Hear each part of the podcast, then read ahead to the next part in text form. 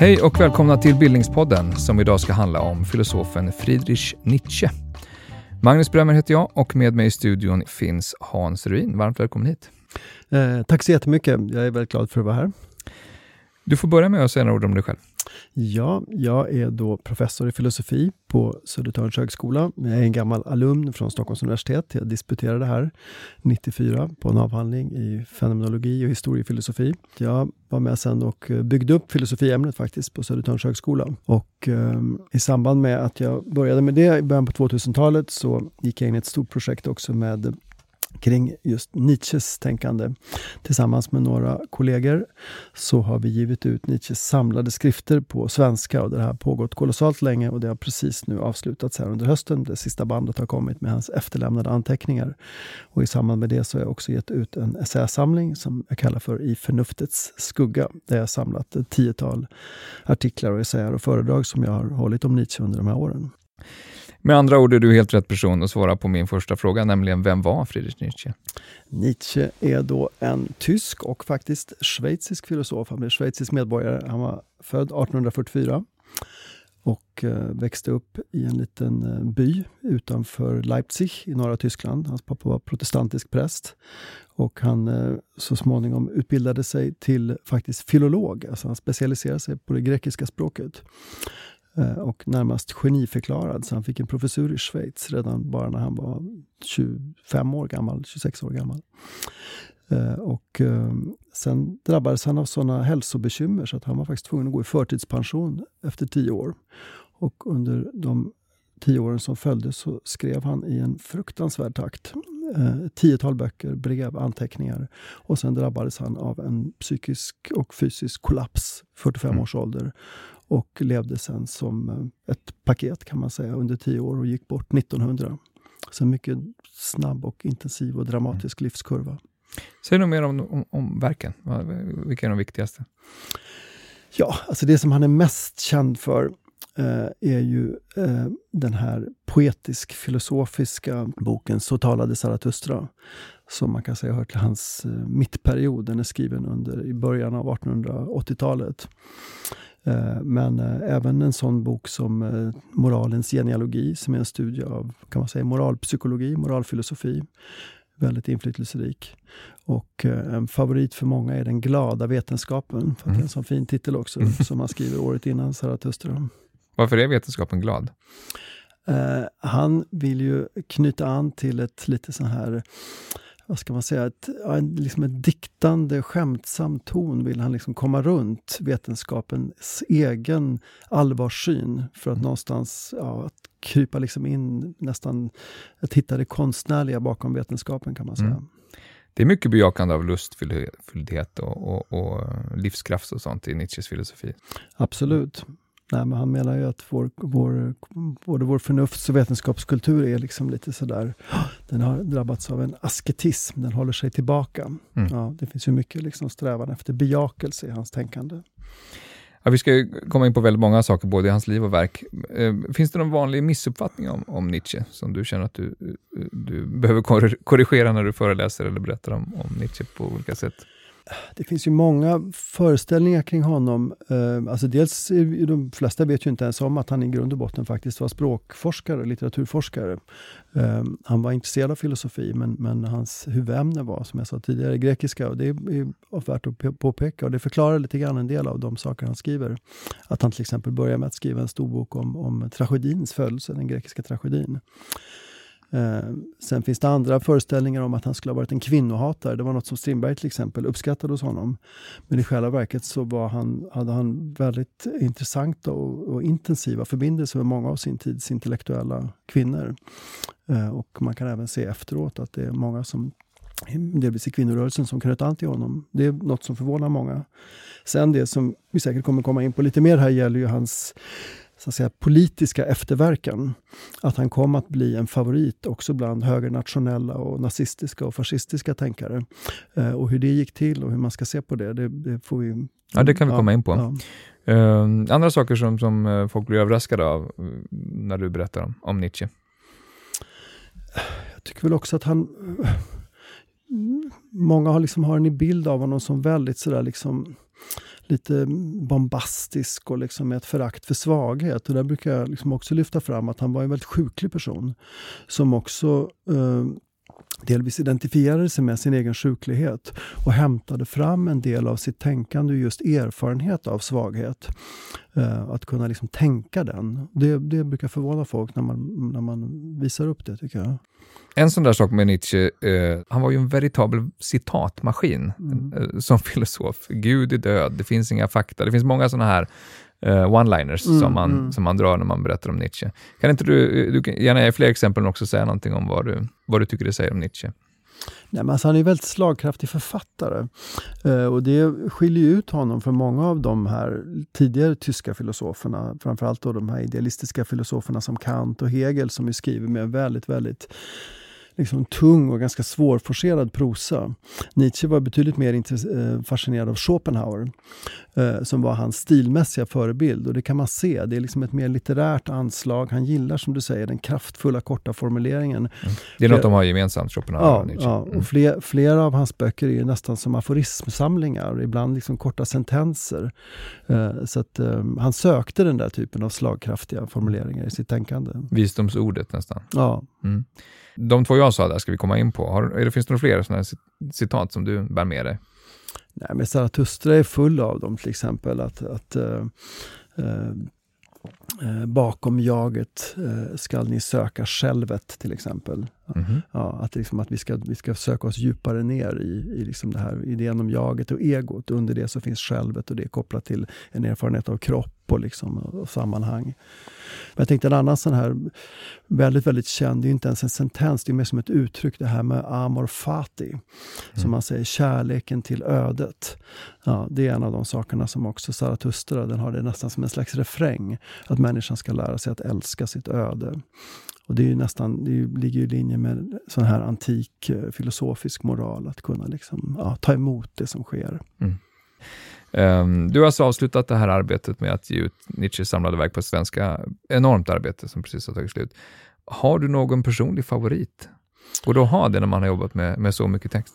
Absolut. Nej, men det, det, det är flera böcker som, som har haft väldigt stor betydelse för mig vid olika tillfällen. Jag, eh, det första jag läste faktiskt, det var lite grann av en slump. Eh, då, då läste jag Tragedins födelse. Jag kommer ihåg att jag läste den redan i 20-årsåldern som på, i en engelsk översättning jag hittade.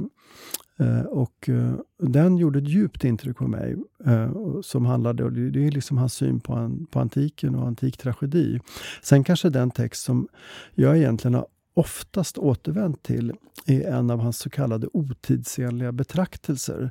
Han, höll, han håller en serie offentliga föreläsningar precis när han har blivit professor i Basel, där när han är 26-27 års åldern. Och en av dem heter Om historiens nytta och skada för livet.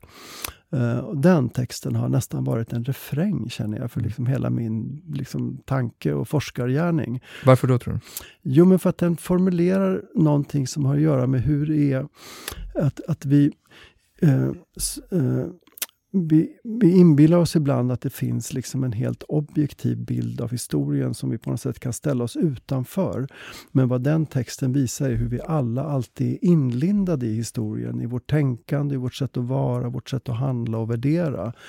Eh, och han, han myntar då tre begrepp som har liksom blivit så centrala för diskussionen om dels det monumentala förhållandet till historien, dels det antikvariska och dels det kritiska. Mm. Och han säger att vi, vi kommer alltid röra oss mellan de här hållningarna. Antingen idealiserar vi historien eller så, liksom så värnar vi om den och sparar den. Eller så är historien någonting som vi känner att vi måste slå sönder för att vi ska kunna komma vidare i nuet. Och de där begreppen märker jag att jag hela tiden återvänder till. Mm. Sen måste jag då, när du frågar om texter, så naturligtvis Zarathustra.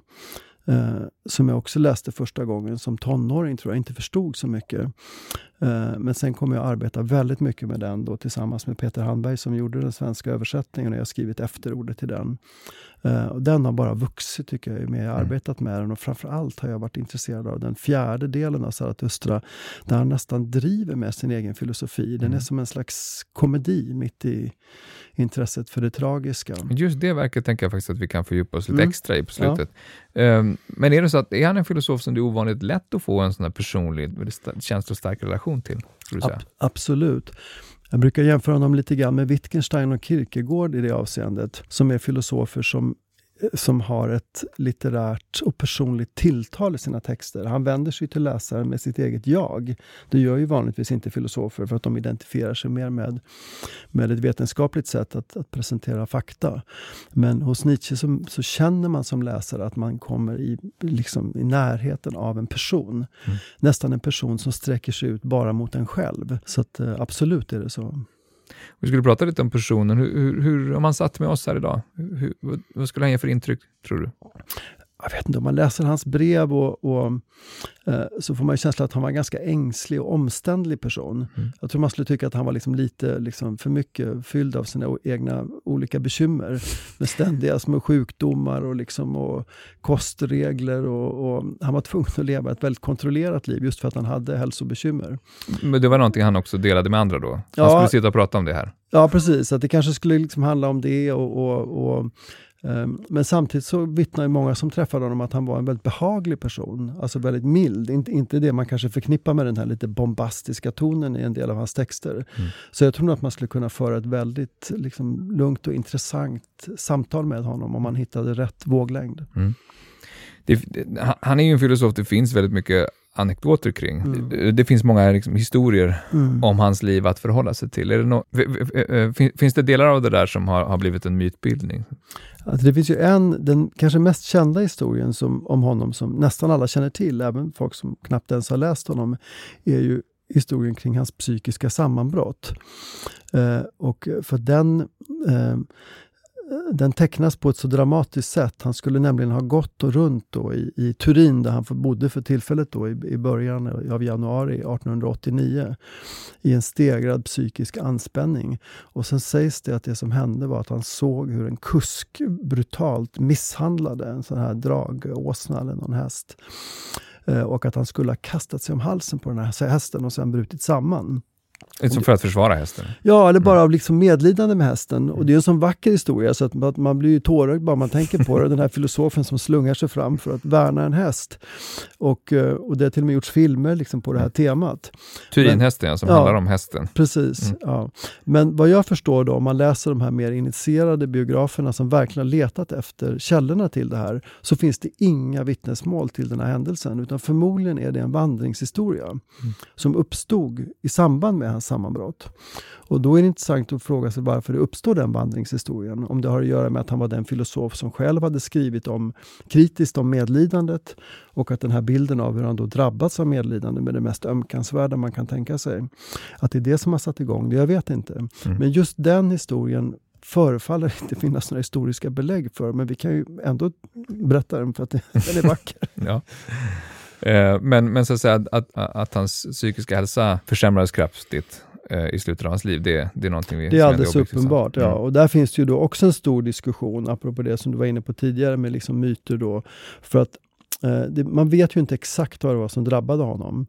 Men, men det man kan se om man följer hans eh, brev och anteckningar under hösten 1888 så ser man att han går in i en djupare och djupare liksom självbespegling och också en fruktansvärd stegring av sin redan väldigt höga arbetstakt.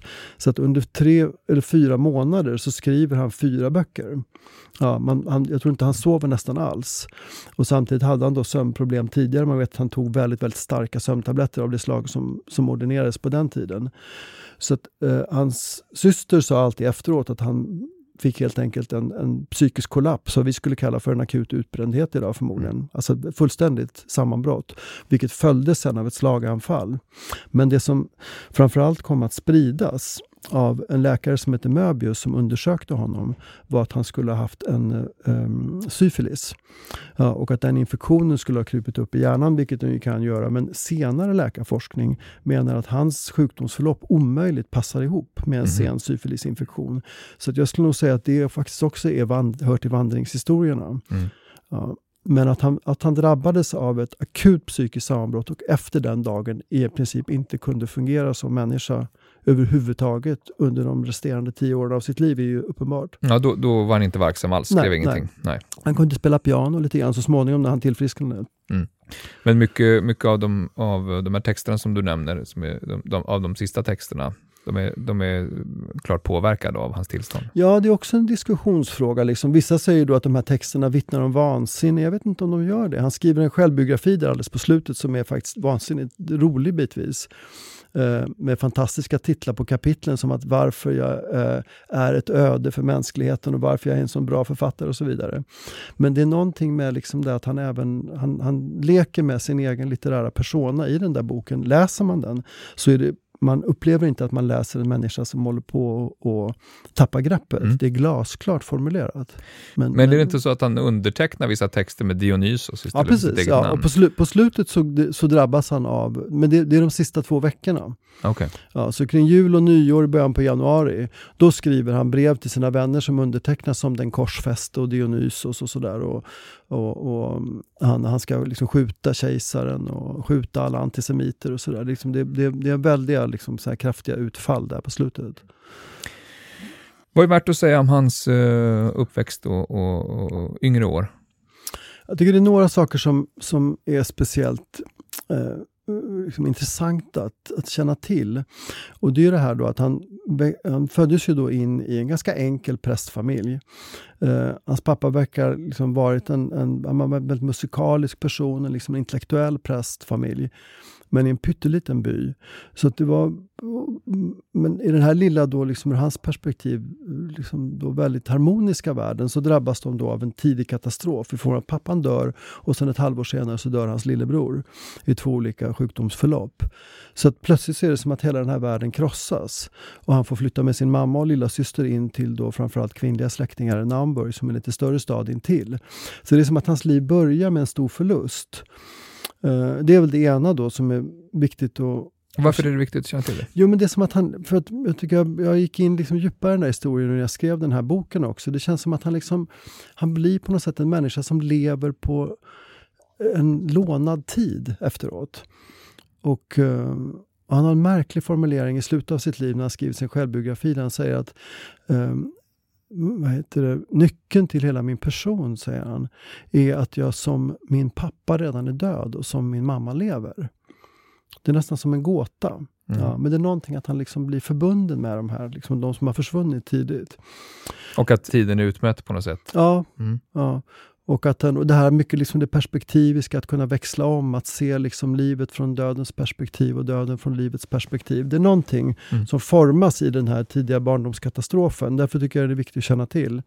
Det andra sen då är att han har turen, får man väl säga, att komma in då på kanske sin tids och kanske en av Europas liksom främsta humanistiska så här elitgymnasier. Eh, som var en typ av så här lite, ja, från, från liksom romanti, romantiken och nyklassicismen inspirerad bildningsinstitution som inte låg så långt ifrån där de bodde. Där man i princip då drillade liksom 12-13-åringar liksom i grekiska och latin. Han var ganska dålig i matte får man säga. Mm. Men fantastiskt då, för en person som hade en sån språkbegåvning så fick han en otrolig utbildning som formade honom sen. Vad var det för skola? Uh, den, den hette Schulpforta. Det är egentligen ett gammalt kloster som hade byggts om då till nyhumanistiskt läroverk. Uh, och det är många uh, stora tyska humanister som är utbildat sig där på den skolan. Och det la liksom grunden för hans möjligheter till en akademisk karriär? Ja, ja. Mm. För att han då direkt efter gymnasiet då så sökte han sig till universitetet och läste då klassisk grekiska, inte filosofi. Och hans lärare var så imponerad så att redan innan han hade skrivit färdigt sin avhandling så rekommenderades han för en professur mm. i Schweiz, i Basel. Ja, så att 25 år gammal hade han gjort vad vi skulle kalla då för en akademisk kometkarriär inom det grekiska språket. För han hade musikalisk talang också? Ja, de spel, familjen var ju musikalisk och pappan spelade. Och um, och uh, han spelade piano, han komponerade själv stycken. Uh, och um, såg sig själv nog lite grann som musiker och kompositör också. Och så småningom blev det som en liten verklista. Och det är väl omdiskuterat bland musiker alltså hur man ska se på värdet av de här kompositionerna. Eh, det finns vissa som menar att de faktiskt har en viss originalitet även som mm. musiker. Andra tycker att de är liksom lite enklare kopior av, av samtida. Man kan säga att han, han eh, parallellt med att han då fortsatte att skriva filosofiska och litterära texter så hade han liksom en, en ambition ändå att skriva musik. Och han blev så tagen efter att han hade träffat den här Lo Salomé, den här vansinnigt begåvade eh, kvinnan då som dök upp i hans liv i början på 1880-talet. Och hon hade skrivit en hymn till livet som är som en, ja, en dikt som på något sätt fångar in Nietzsches egen filosofi. Och den tonsatte han. Ja, och, eh, och, och, ansträngde sig sen för att den skulle bli uppförd. Och han såg framför sig hur den nästan skulle bli då den musikaliska refrängen till hans filosofi. Mm. Lou Salomé också som en viktig tänkare i den här tiden. Mm. Säg något mer om henne bara. Eh, Lou Salomé som kom då från en rysk familj och eh, eh, flyttade över till Europa och sen kom in i de här intellektuella kretsarna där, där Nietzsche vistades och blev vän inte bara med honom utan också med hans nära vän Paul Rée eh, och hade en, en fascinerande, en slags halverotisk filosofisk triangeldrama kan man säga med Nietzsche och Paul Rée eh, som slutade i katastrof för Nietzsches del för han kände sig sviken. Så småningom så gick hon ju vidare och blev en viktig intellektuell person med nära kontakter med eh, Freud och Rilke och själv en författare i liksom gränslandet mellan psykoanalys och kulturfilosofi. 1872 då så publicerar han Tragedins födelse, som du redan har nämnt några gånger, eh, som får betraktas som hans, hans genombrott som mm. filosof. Mm. Uh, berätta om det här verket och den här tiden i, i hans liv. Jo, alltså han... Eh, som då skolad i, eh, i grekiska språket och den grekiska litteraturen så var han naturligtvis, som alla som har sysslat med det, väldigt fascinerad av den här frågan om den grekiska tragedin. Och det är ju en konstform som, som har liksom blivit normbildande kan man säga för liksom västerländsk teaterkonst fram till idag.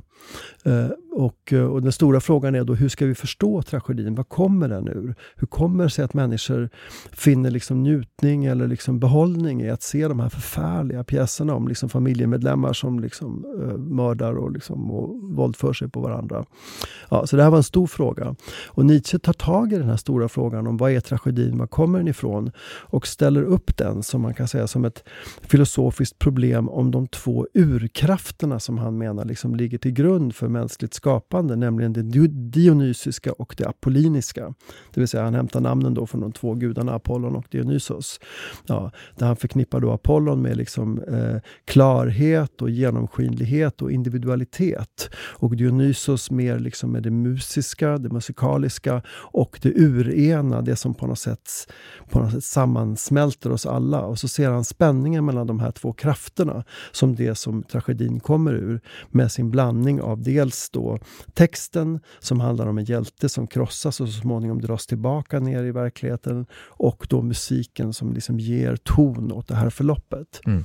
Och Dionysos som också är rusets... Eh, ja, ja mm. precis, precis. Det här framställs ju ofta som en, en eh, som är grunden för hela hans tänkande. Mm. Hur, hur, viktig var den för fortsättningen? Ja, men den är jätteviktig. Man kan peka på två saker då.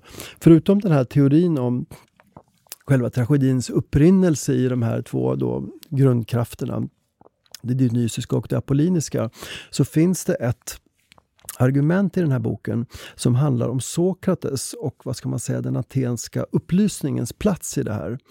Eh, för att Nietzsche menar då att de äldre tragöderna, alltså författarna till tragedierna, framförallt Aeschylus och även Sofokles då, som var verksamma eh, då på eh, sent 500-tal och eh, eh 400-tal.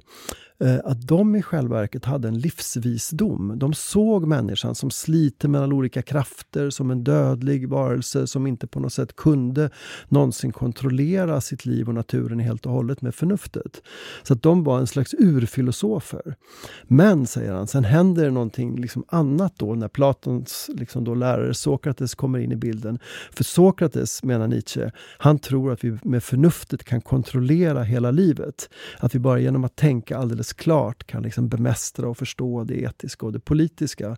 Så han presenterar här Sokrates som en slags förfallssymptom i förhållande till den äldre tidens visdom. Så att han kastar om liksom rollerna lite grann. Och det För här... vad är problemet med, med den bilden? Vad är, han, vad, han, vad, vad, vad är hans problem med den bilden? Jo, för då, då, då invaggar man människan i en illusion om att förnuftet kan liksom täcka in hela verkligheten. Och det är en, en fåfäng idé som bara leder vilse. Det är bättre att människan liksom besinnar sin liksom mm. tragiska livsvillkor. Så man kan säga att han hittar en slags existensfilosofi hos tragöderna som han menar att Sokrates och Platon förnekar. Mm. Och visst menar han att det är det här arvet som har främst har, har, har överlevt till, till, eh, i modern tid? Precis, och vi lever då i efterdyningarna menar han av den här lite optimistiska upplysningsfilosofin. Och nu är det då dags att vända om. Och här kommer då den andra sidan av argumentet in. För då säger han då att idag, i den tid vi lever i, så finns det tecken på liksom en djupare förståelse på nytt av det tragiska. Och det här visar sig i Wagners musik. Mm. Så den här boken då som börjar som en filolog som berättar om tragedin slutar i en hyllning till den kompositör som han då, just då mest beundrar i samtiden tiden. Mm. Och, och, eh, och, och vad, är, vad är det han menar att Wagner gör med sin Han musik? återknyter genom sin musik och genom sina libretton till just den här äldre tragiska visdomen. Så att i Nietzsches, den unga Nietzsches föreställningsvärld så representerar Wagners operor återkomsten av den klassiska grekiska tragedin. Och återupprättar en slags balans här då? Ja, precis. Um, det är ju samtidskritik det här. Uh, var han en, en, liksom en samtidscivilisationskritiker? Absolut, och därför så tycker jag de här föredragen som jag nämnde tidigare, då, som han håller, de här offentliga föredragen som han som ung nyinstallerad professor håller i Basel för en intresserad allmän publik. Han håller fyra föredrag. Ett av dem är en hyllning till Wagner, en är en hyllning till Schopenhauer, en är en väldigt komisk kritik av en samtida intellektuell som han tyckte illa om, Strauss. Och en är då den här eh, texten som handlar om historiens nytta och skada och vad vi ska egentligen ha historien till idag. Mm. Ja, och I alla de här texterna så uppträder han just som vad vi skulle kalla för en bitsk eh, kulturkritiker. Men visst är det så att han ganska radikalt sen ändrar uppfattning om Wagner senare? E exakt, och det här är liksom då kanske den enskilt största vändningen i Nietzsches vuxna liv. Nämligen från att ha varit då en fullständigt hängiven Wagnerbeundrare eh, som eh, gärna ville vara med och hjälpa till när man skulle skapa den här första Bayreuth-festivalen och liksom såg sig själv som... Det var där Wagner kommer ifrån och var verksam? Ja, precis, och där han byggde upp sitt operahus mm. då liksom och sådär. Det som fortfarande pågår idag, liksom i, i en fortsatt Wagner-kult i Tyskland. Mm. Men, men när det här då var på väg att, liksom, att växa fram så ville Nietzsche se sig själv som den intellektuella spjutspetsen för den här Wagnerian, tidiga wagnerianismen. Men eh, i samband med att de båda två vistas eh, nere i södra Italien en höst Eh, 1878 eh, så uppstår det något gnissel i deras relation. Och det är som att plötsligt Nietzsche ser någonting hos Wagner som han inte hade sett tidigare. Eh, och vad som sker där är en slags fadersuppror. Han hade ju ingen pappa. Pappan förlorade han tidigt och Wagner var under, liksom, då fungerade under ett antal år som en sån faders, identifikatorisk fadersfigur. Men plötsligt är det som att han vänder sig bort från honom. Och när han vänder sig bort från Wagner så vänder han sig också bort från den liksom, romantiska konstnärsmyt som, som Wagner stod för för. Han vänder sig också bort från Wagners tysk nationalism. Och eh, vad som är särskilt intressant för fortsättningen är att han vänder sig bort från den antisemitism som odlades ganska mycket i kretsen kring Wagner.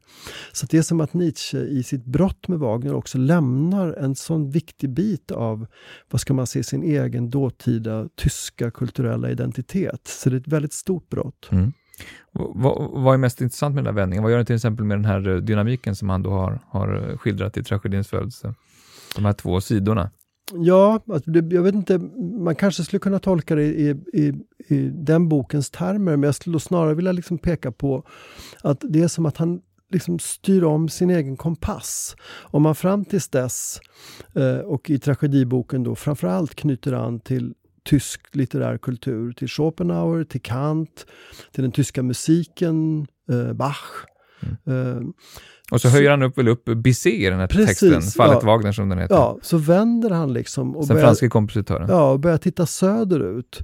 Börjar läsa franska upplysningsfilosofer, börjar lyssna på italiensk opera. Själv börjar röra sig geografiskt också mer och mer söderut. Det är som att liksom, han som en flyttfågel är som att han liksom byter spår där. Om vi bara avslutar mm. kapitlet mm. Tragedins födelsedag, hur tas det här verket emot? Alltså det skapar ju en, kan man säga, en, en, en spricka i samtiden.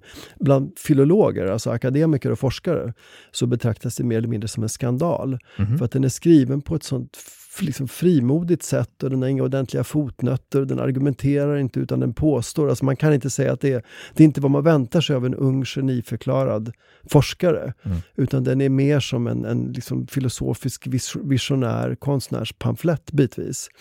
Så att eh, av då hans egna akademiska kollegor så eh, liksom skärs den vid fotknölarna. Däremot av en kulturvärld och inte minst Wagner själv, så höjs den till skyarna som att äntligen har vi fått en filosofi som är i höjd med liksom samtidens kulturella frågor. Vissa av Nietzsches egna vänner inom akademin, de försvarar honom. Men annars kan man nog säga att den boken det är en debutbok men den är också på sätt och vis ett avsked från hans akademiska karriär. Ja, hur tar han den här kritiken? Alltså I början så är han då upprörd och han skriver brev till sina vänner och han ber dem liksom hjälpa honom och sådär. Men det är som att han någonstans själv ganska snart efter inser att, att han är på väg någon annanstans. För att de böcker som han sen skriver, inklusive de här liksom publika föredragen, går åt ett annat håll. Det är som att han vill bli intellektuell, liksom, författare, aforistiker. Han, han, hans tänkande är på väg någon annanstans. Mm. Eh, kort därefter började väl det som brukar kallas för Nietzsches vandringsår. Ja. Vad, vad, vad, vad, var det för någonting? Man kan säga att vandringsåren börjar med den här långa resan då, som han gör med sina vänner till södra Italien, där, där också brottet med, med Wagner sker. Och, eh, och den anledningen att han gör den resan är att han redan då Uh, bara liksom fyra, fem år efter att han installerats som professor har sådana hälsobesvär att han måste ta tjänstledigt. Sen går han tillbaks till jobbet så försöker han jobba ett år till. Men sen inser han att det funkar inte. Vad är det för typ av besvär? Ja, det är liksom besvär, migrän, synrubbningar, liksom illamåenden. Alltså det, det är lite oklart vad det är han lider mm. av. Om det är efterdyningar av någon infektion han drog på sig liksom under sin tid som sjukvårdare i tysk-franska kriget eller om det var något ärftligt. Alltså det här, här går ju då teorierna isär. Men hans hälsa eh, blir väldigt mycket sämre under de här åren. Och i och med att han då bestämmer sig för i samråd med universitetsledningen att gå i pension som 35-åring, då får han då en schweizisk universitetspension i ett skede då de flesta människor kanske skulle vara nydisputerade. Mm. Så att vandringsåren är på sätt och vis Nietzsches pensionärsliv, mm. fast en väldigt ung pensionär, en 35-årig pensionär, mm. som plötsligt liksom då har redan är färdig med sin karriär. Det låter trevligt för sig. Ja. men eh, vad, vad, är det som händer? Med, säg något mer om vad som händer med honom, jo, men det liksom som intellektuellt händer, och ja, Det som händer då är, han, han, han, så att säga, han har kvar sin våning i, i Basel, men han börjar då med den här pensionen på den tiden, så kunde man då liksom resa runt med tåg och bo på pensionat. Och då söker han upp platser som han då uppfattar som gynnsam för sin hälsa och även vackra platser, inspirerande platser. Så man kan se då på en karta över södra Europa där hur han rör sig liksom kring Eh, eh, Medelhavstrakten då, han är i Nice, han är i Genua. Eh, han, på somrarna när det blir för varmt och var nere där så åker han upp till Sils Maria i de schweiziska alperna, alltså inte så långt ifrån Sankt Moritz.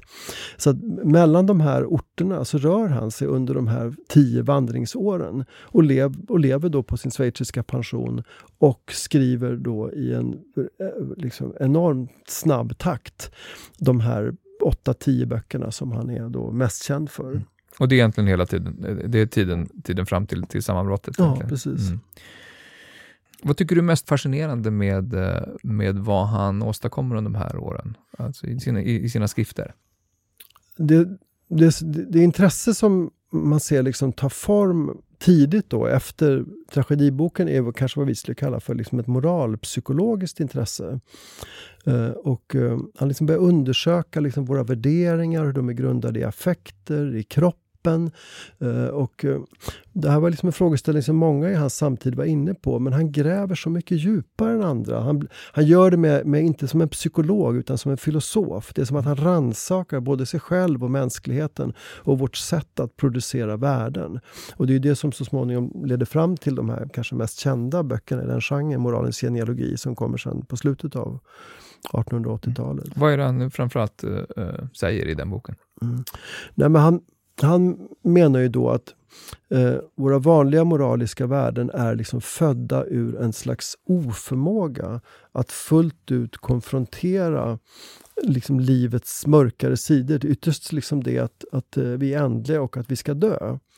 Ja, och att människan har skapat åt sig själv liksom delvis moralen som en kompensation och en tröst. Och Då tänker vi framförallt då på liksom sådana saker som idén om liksom eviga och absoluta värden.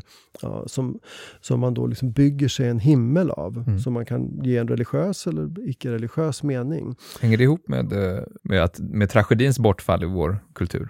Ja, skulle jag säga. Det, det, det, är precis där som liksom den, den tematiken hakar i varandra. Att det är som att människan kan inte liksom se på något sätt i grundtragiken i sitt liv. Utan då bygger hon de här luftslotten av, av värderingar.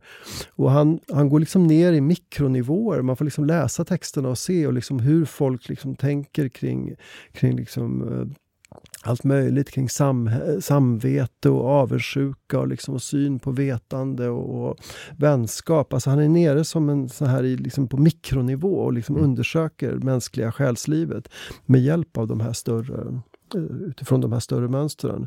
Så jag skulle säga att han är, han är en väldigt, väldigt klarsynt moralpsykolog. Mm.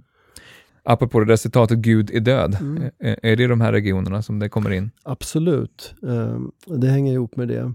Och um, Eh, Eh, det är ju ehm, viktigt att se att det, det är den mest kända platsen när han, när han eh, nämner det här citatet, eh, så är det egentligen inte i hans egen mun, utan han lägger det i munnen på den som kallas för en dåre.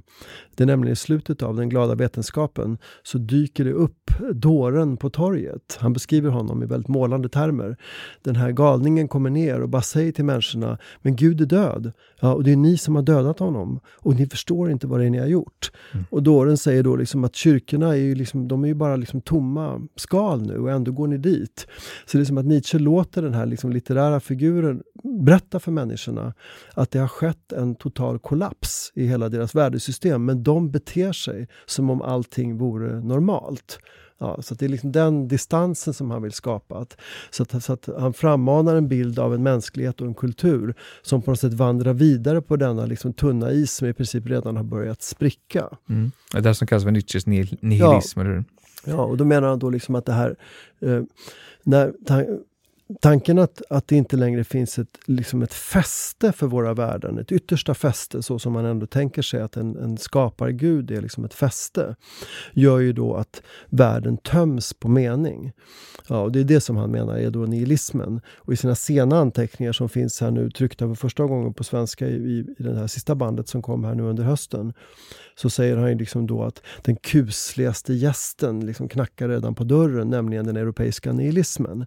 Och det är lite samma idé, att han på något sätt med, med litterära grepp försöker frammana bilden av en kultur som är på väg att sökas upp av någonting som den själv visserligen har orsakat eh, genom sin liksom, kritik av religion, men som den inte har tagit in konsekvenserna av. Det där, hela den frågan känns ju fortfarande väldigt, väldigt aktuell. Mm. Alltså det talas väldigt mycket om, ja men vi lever den här tiden efter alla de här absoluta värdena och vad ska mm. vi fylla det med istället? Då ja. kommer ju ofta den här frågan om eh, relativistiskt tänkande också in, ja. apropå det där andra citatet från mm. början, att det inte finns någon fakta. Hänger det här ihop även för honom? Jag tycker nog att de hänger ihop eh, på så vis att även i liksom sin syn på vetandet så menar han att människan lätt invaggar sig i föreställningen att hon står eller åtminstone kan träda in i ett absolut rent och klart relation till sin omvärld. Att vi helt enkelt kan veta exakt hur det förhåller sig. Men hans poäng är ju liksom att all vår vetenskap är gestaltning. Ja, den bygger ju på språk, liksom på metaforer, liksom på liksom mer eller mindre poetiska uttryck. Alltså all, allting vi säger om världen är på så vis också någonting skapat. Och det gör att det alltid finns en möjlighet att gå in och se på någonting från ett annat håll. Den slutgiltiga beskrivningen av världen får vi kanske aldrig. Mm. Ja, och det är lite grann på samma sätt med moralen. Vi liksom invaggar oss i att vi har en objektiv moral, att vi har en objektiv vetenskap. Men under de här så mullrar det. Liksom. Det mm. finns en djupare osäkerhet. Och det är den som han menar att vi måste lära oss att leva med. Vi måste liksom ut på den här sankmarken och kunna liksom vistas där. För att eh, annars så, så, liksom, ja, så är vi naiva och i, i sista hand så kommer vi också liksom att och hamna helt fel i vår liksom syn på vår tillvaro. Han, han ställer krav på människan? Ja, han är en uppfordrande tänkare skulle jag säga. Mm. Ja, en genomborrande tänkare som hela tiden provocerar. Mm. Men ofta med gott humör. Man skrattar också när man läser honom. Det, det låter väldigt allvarligt det jag säger nu, men man skrattar när man läser honom för att han, han driver gärna med liksom, men han är en, en kritiker av sin samtid. Är också, eh, eh, finns, finns det några vägar framåt? Ja, och där kommer ju då den här Zarathustras liksom då budskap, idén om ett övervinnande, att vi ska på något sätt kunna liksom ta med oss den här kulturkrisen in i liksom en annan fas. Ja, men det är kanske är läge att gå in på Så talade Zarathustra nu då. Mm. Eh, skriven 1883 till 1885. Mm. Eh, skulle man kunna säga att det är en av de mest säregna böckerna i filosofihistorien? Du har ju gett lite grann det intrycket. Ja, det får man nog säga. Den är så underlig liksom, i sin komposition. Den är, ja, eh, alltså det är ju oklart om Nietzsche vad han egentligen hade planerat när han började skriva den här. Om man följer hans liv inifrån via brevväxlingar och, och anteckningar när den här boken tar form, så är det ju liksom en akut livskris som föregår den. Och det har att göra med den här eh, då lilla trasiga vänkretsen då med Re och Lo Salomé som vi pratade om tidigare, där ni känner sig sviken av dem och det blir problem med hans familj och hans syster. och liksom så, här. så att, ja, Han är verkligen han är så dyster så han skriver till en vän då under, det, under den hösten där. Det enda hopp jag nu ser är en pistolpipa. Ja, så det är liksom i den i det tonläget som han långsamt börjar resa på sig och börjar liksom då höra en röst som han sen ska säga, någonting kom till mig, då kom Zarathustra. Så att den här Zarathustra är ju på något sätt nästan... Visst sägs det finnas ett sånt där särskilt ögonblick också? Ja, precis. Han hänvisar sen till att den här yttersta visionen ska han ha fått när han vandrade där uppe i Sils Maria och liksom längs en vacker sjö där och såg en sten och plötsligt fick en, en, en vision av den eviga återkomsten som liksom det snurrande hjul och liksom på något sätt såg ödet som mm. liksom mm. det här ja, evigt rullande hjulet. Så han knyter an till den visionen. Men jag tror, ska man uttrycka sig lite sådär eh, lustigt, så kanske man kan säga att Zarathustra börjar nästan som en självhjälpsbok. Mm. Ja, han behöver rädda sig ur sin akuta depression och plötsligt börjar han höra någonting och, och så många bitar av hans tidigare filosofi plötsligt faller på plats när han kan lägga den i munnen på den här fiktiva gestalten. Ja, och, och vem, vi måste nästan börja där. Vem, vem är Zarathustra? För det, ja. det, är inte en, det är en fiktiv gestalt i hans gestaltning. Ja, men det är en historisk person. Den, den historiska Zarathustra då vet vi väldigt lite om. Det är ju den här liksom då persiska religionsstiftaren Zoroaster, som man inte ens vet exakt när han levde, kanske liksom då någon gång kring 1000-talet före vår tideräkning. Eh, men som då har skrivit eh, de här texterna som ligger till grund för zoroastrismen, som, som är en levande religion fortfarande i, i, i Persien. Men, men bland religionshistoriker, och Nietzsche läste mycket religionshistoria vid den här tiden, så är Zarathustra känd som en av dem som ska ha liksom då framställt en värld bestående av en väldigt skarp skillnad mellan ont och gott. Ja, alltså en tudelad eller dikotom värld. Ja, så att, eh, och framförallt då en värld som bygger på liksom tron på att det finns en absolut gudomlig ordning. Ja, och det roliga som Nietzsche gör då är att han liksom väljer att låta just Zarathustra bli till huvudperson i hans egen bok, när Zarathustra själv inser att det här var ju fel alltihopa. Och nu måste jag gå ner till jorden och förklara för människorna att det var precis tvärtom. Så han låter den här halvt mytiska religionsstiftaren komma tillbaka mm. och gå runt bland människorna och förklara hur de nu ska kunna leva när vi vet att Gud är död. Mm. Och allting var fel, som vi tidigare hade sagt. Så det är ett väldigt roligt grepp. Mm. Ja. Och sen består boken då av att Zarathustra vandrar runt och har en massa egendomliga möten med människor som han träffar på. Bitvis är det som liksom en Peter Greenaway liksom, film eller David Lynch eller något sånt där. Så den är, liksom, den är väldigt eh, surrealistisk. surrealistisk. Mm. Ja, de här figurerna han träffar på.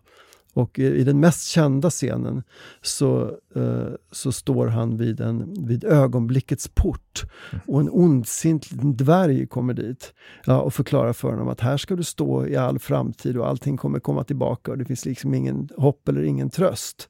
Ja, och då grips, grips han av en fruktansvärd liksom, ångest och ska han försöka ta sig ur den. Så det är den typen av drömscener som också blandas samman med de här undervisande texterna. Det låter lite som en fantasybok korsad med en filosofibok. Ja, ja. Mm. Ge oss bara en bild av hur, hur den här landade. Ja, alltså det, det, finns ju också där finns det roliga brev. Jag hänvisar ofta till breven och jag måste verkligen rekommendera folk som är intresserade av Nietzsche att läsa hans brev. Vi har en jättetjock utgåva i två band i vår utgåva med bara hans brev, för han är en sån fantastisk brevskrivare. Men han, han skriver lite vemodigt och, och, och självironiskt till, till några vänner och säger att ja, det är så lustigt med min Zarathustra, säger han. Jag tror att tyskarna nu hädanefter allihopa kommer tro att jag är fullständigt galen. Mm. Ja, och jag skickade den till en av mina kollegor i Basel och han visste inte ens vad han skulle svara, sa han. Efter att ha muttrat ett tag så sa han, ja ni kanske ska börja pröva på att skriva dramatik.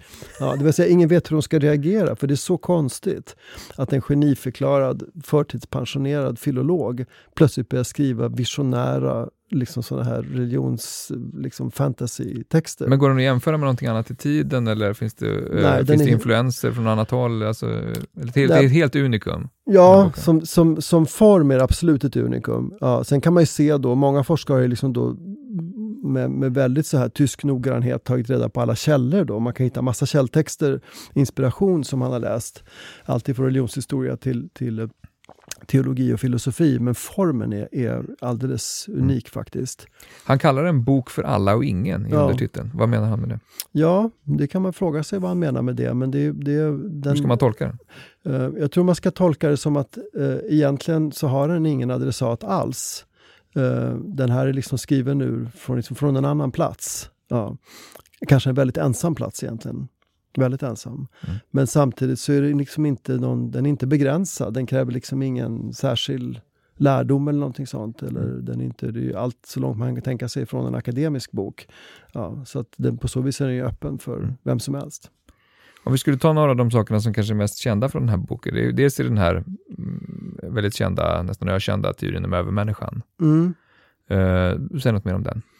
Nej, men det finns ju en idé då som, som på något sätt kan man säga är inspirerad av den tidens idé, liksom evolutionära idéer om utveckling och sådär. Liksom att människan inte är färdig, att, att människan fortfarande är på väg. Uh, och, uh, och, han har någon formulering där han säger så här att uh, vad, vad apan är för människan ska människan vara för övermänniskan. Och det, och då låter det nästan som någon slags darwinism, mm. alltså att vi, liksom, att vi är inte färdiga än som släkte, utan vi ska ge upphov till någonting som ska komma efter oss.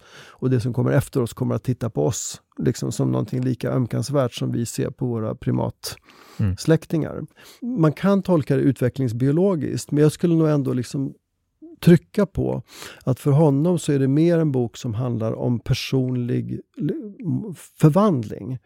Ja, för att övermänniskan finns egentligen inte liksom i en framtid på det sättet som man kan tänka sig att om, om 10 eller 100 000 år kanske kommer att finnas en annan typ av mänsklighet. Utan övermänniskan är ju liksom en möjlighet att kunna ta in och acceptera de här villkoren som vi pratade om tidigare, nämligen att vi saknar ett fasta fundament. Liksom, att, att, äh, att, att människan på något sätt måste lära sig att bebo jorden utan religionen som tröst. Mm. Ja. Så det är en fortsättning på den linjen egentligen. Ja. Det, apropå vad som krävs av människan, det är detta mm. som krävs mm. i, den här, i hans samtid. Ja, men, men sen då när det gäller liksom då den här utvecklingstanken, den tolkas ju på många sätt. Jag menar, det fanns ju, man, man kan tolka den biologiskt, vilket jag kanske inte tycker man ska göra. Man kan tolka den politiskt. Eh, det, det, bland den receptionen som fanns av Zarathustra, som jag tycker är, är särskilt liksom, roligt att lyfta fram, för att det förvånar många, är att det var många i kvinnorörelsen som läste den här och som identifierade övermänniskan med den nya kvinnan. Mm. Ja, så att, så att, eh, det finns en sån reception. Ellen Key var en viktig person i Sverige, men, men även andra som rörde sig liksom i kretsen runt Nietzsche fångade upp det här. Och även för en poet som Edith Södergran var väldigt viktig. Edith Södergran var ju en, en passionerad Nietzschean. Hon, hon kunde inte resa för att hon var så sjuklig, men hon fantiserade om att hon sitter vid hans grav och diktar. Mm. En av hennes dikter är liksom då skriven vid en fant fantasi om att vara där. Men du nämnde också att det plockats upp i högernationalistiska kretsar. Och, vad, ja, ja, precis. Om man ska se då på uh, liksom hur Nietzsche har tagits emot politiskt, så tycker jag uh, är det ganska tydligt att den tidiga receptionen, den var vad vi skulle kalla mer kulturradikal. Ja, alltså det var eh, religionskritiska, reformvänliga personer, många av liksom dåtidens liberaler, man till exempel Brandes till exempel i Köpenhamn. Georg Brandes. Georg Brandes mm. i Köpenhamn. Liksom- Litteraturkritiker. Liksom, ja, mm. precis. Och en av Europas kanske enskilt viktigaste intellektuella personer med ett enormt nätverk. Han var ju den första som höll föreläsningar om Nietzsche på ett universitet. Och det är redan våren 88, så, att, så att eh, det var, då var Nietzsche medveten om att han hade börjat bli lite berömd. Men sen då så händer det någonting där, liksom från liksom början av 1900-talet, efter att Nietzsche har gått bort, så kan man också se liksom fröet till en, vad vi skulle kalla för en mer högernationell liksom reception av Nietzsche.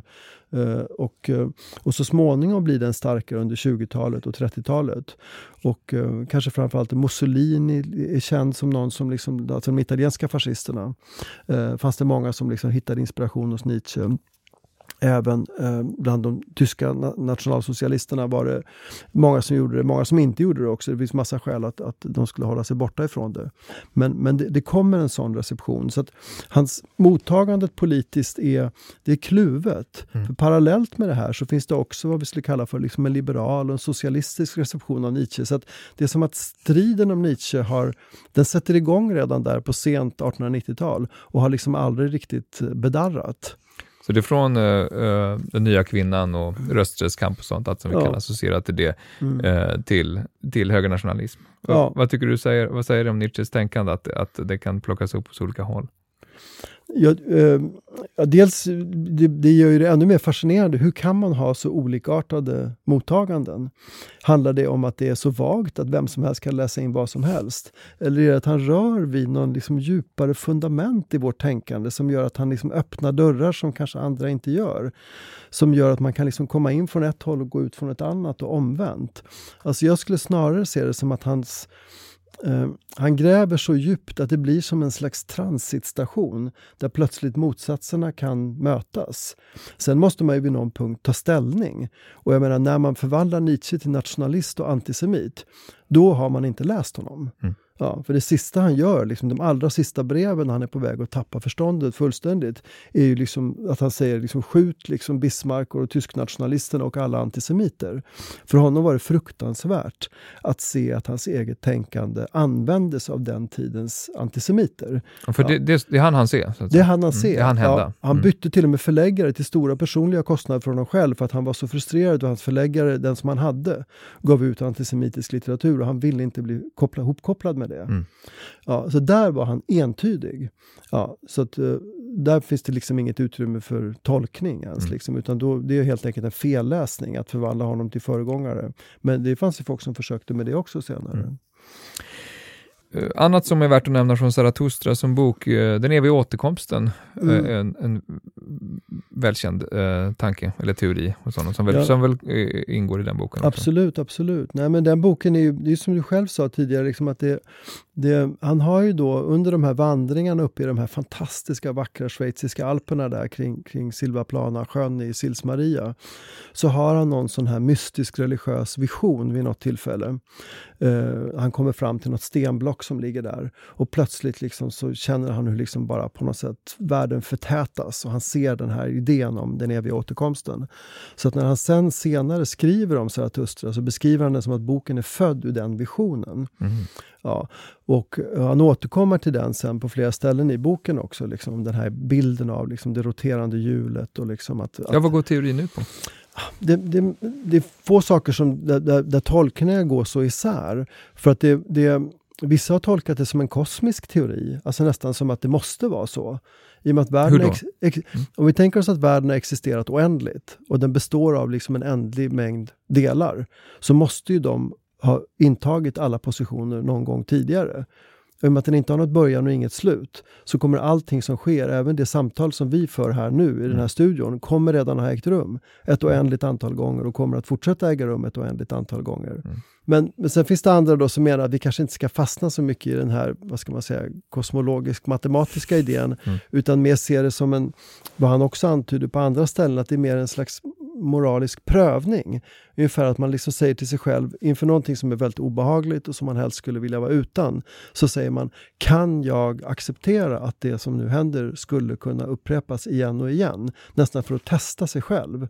Ja, och då blir det mer som en prövning, liksom. en tankemodell som ska pröva en själv. Klarar man av att möta det, det förfärliga? Det är inte helt glasklart? Nej, det är absolut inte glasklart att syfta på. Det enda som är klart är att han åtminstone då under en period var liksom så djupt fångad av den här tanken. Den gav honom en slags ja, både en, en, en, en, tröst och en styrka liksom, att tänka på den, mm. vilket gör att han lyfter fram den. Uh, viljan till makt är en annan sån där idé som dyker upp i Zarathustra. Uh, kan du säga något kort om vad, vad, vad han menade? Ja, han säger där på ett ställe i den boken så säger han att, att han ska visa alla vad som egentligen ligger till grund för allting. Det är nästan som att han ska liksom dra bort förhänget och säga bakom allting vi gör, tänker, vill och värderar så finns det en underliggande vilja till makt.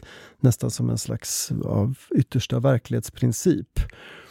Och um, och den här tankefiguren blev ju viktig för honom sen för att han satt under sina sista år och kämpade med en bok som han tänkte skulle heta Viljan till makt. Mm. Det finns massor med utkast i den här boken men den blev aldrig färdig. Han lyckades inte få ihop den. Hans syster och hans, hans medarbetare satte ihop då hans aforismer efter att han hade blivit sjuk och kallade den här boken Viljan till makt. Men det är inte hans egen bok, för han, han, han fann inte formen.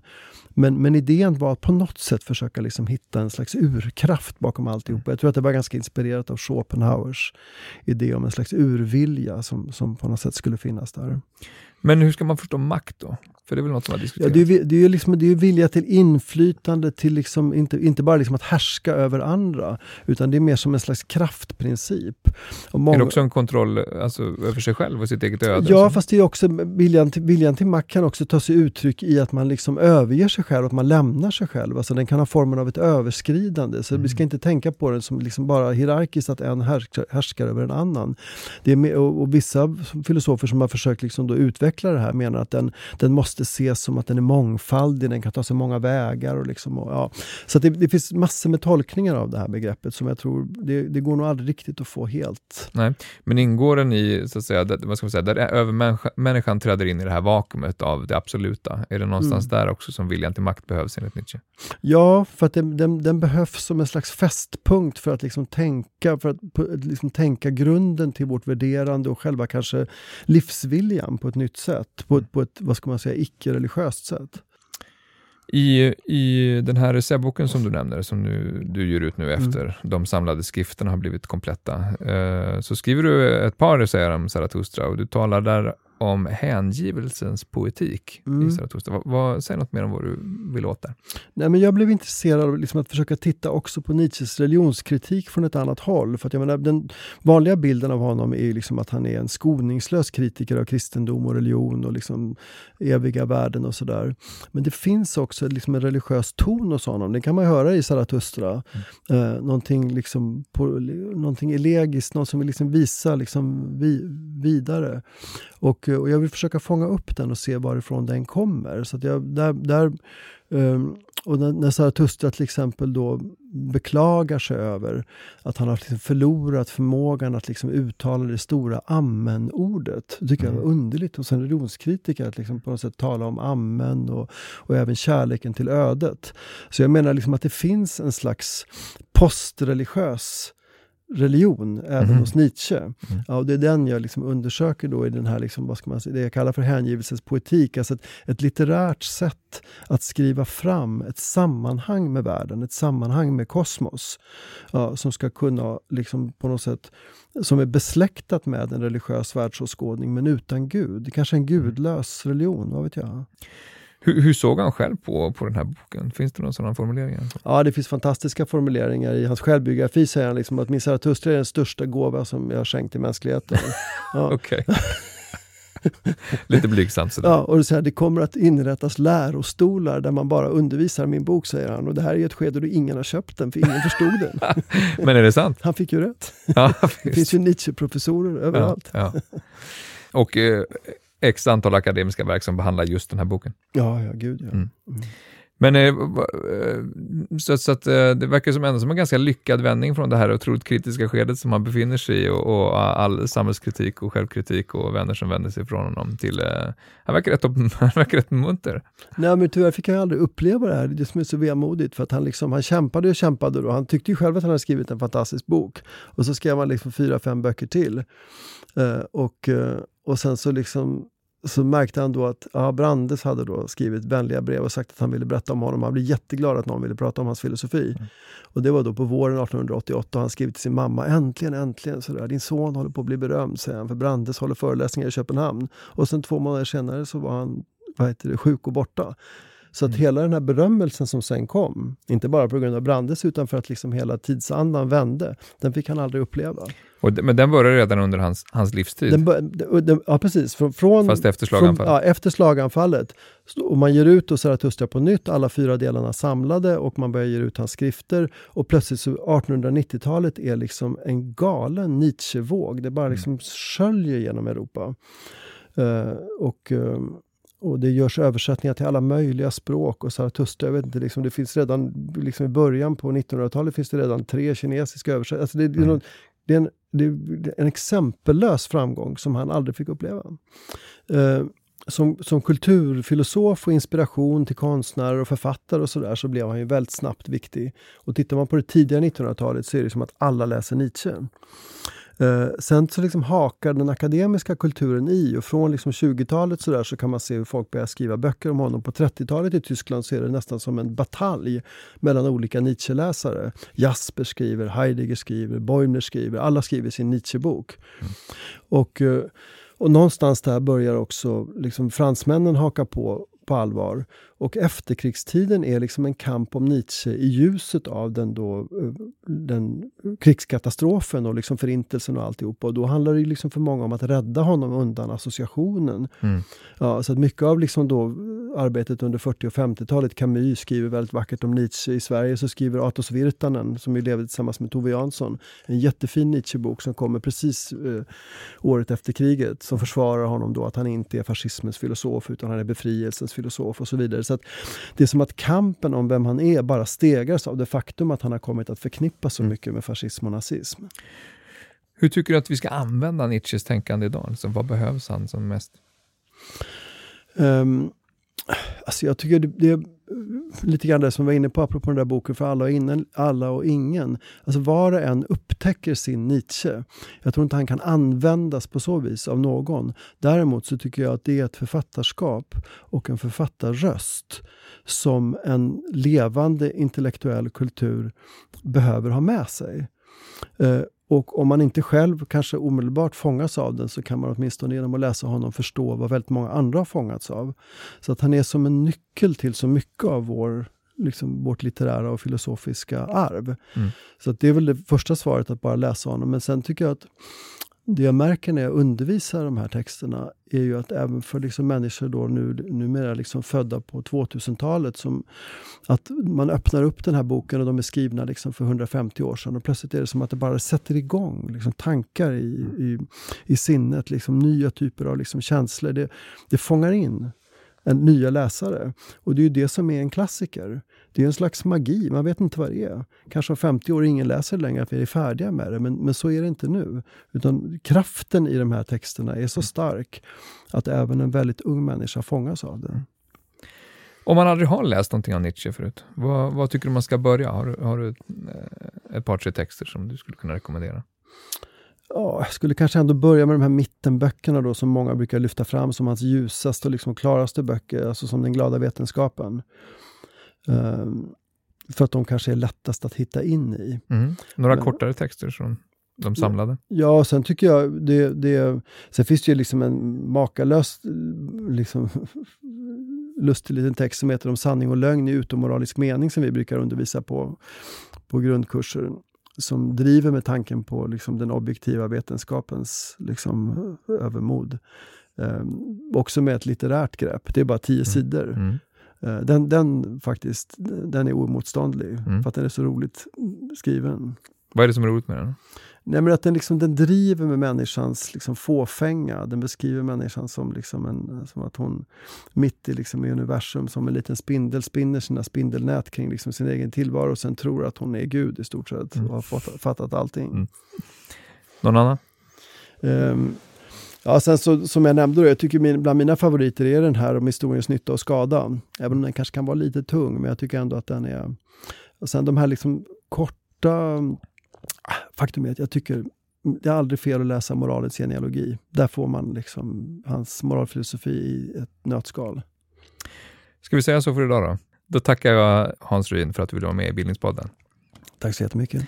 Tack också ni som har lyssnat. Det här var säsongens sista avsnitt, men vi är eh, tillbaka med nya bildningspoddar på det nya året. Tack och hej! Du har lyssnat på Bildningspodden, en del av bildningsmagasinet Anekdot. Fler poddar, filmer och essäer hittar du på anekdot.se.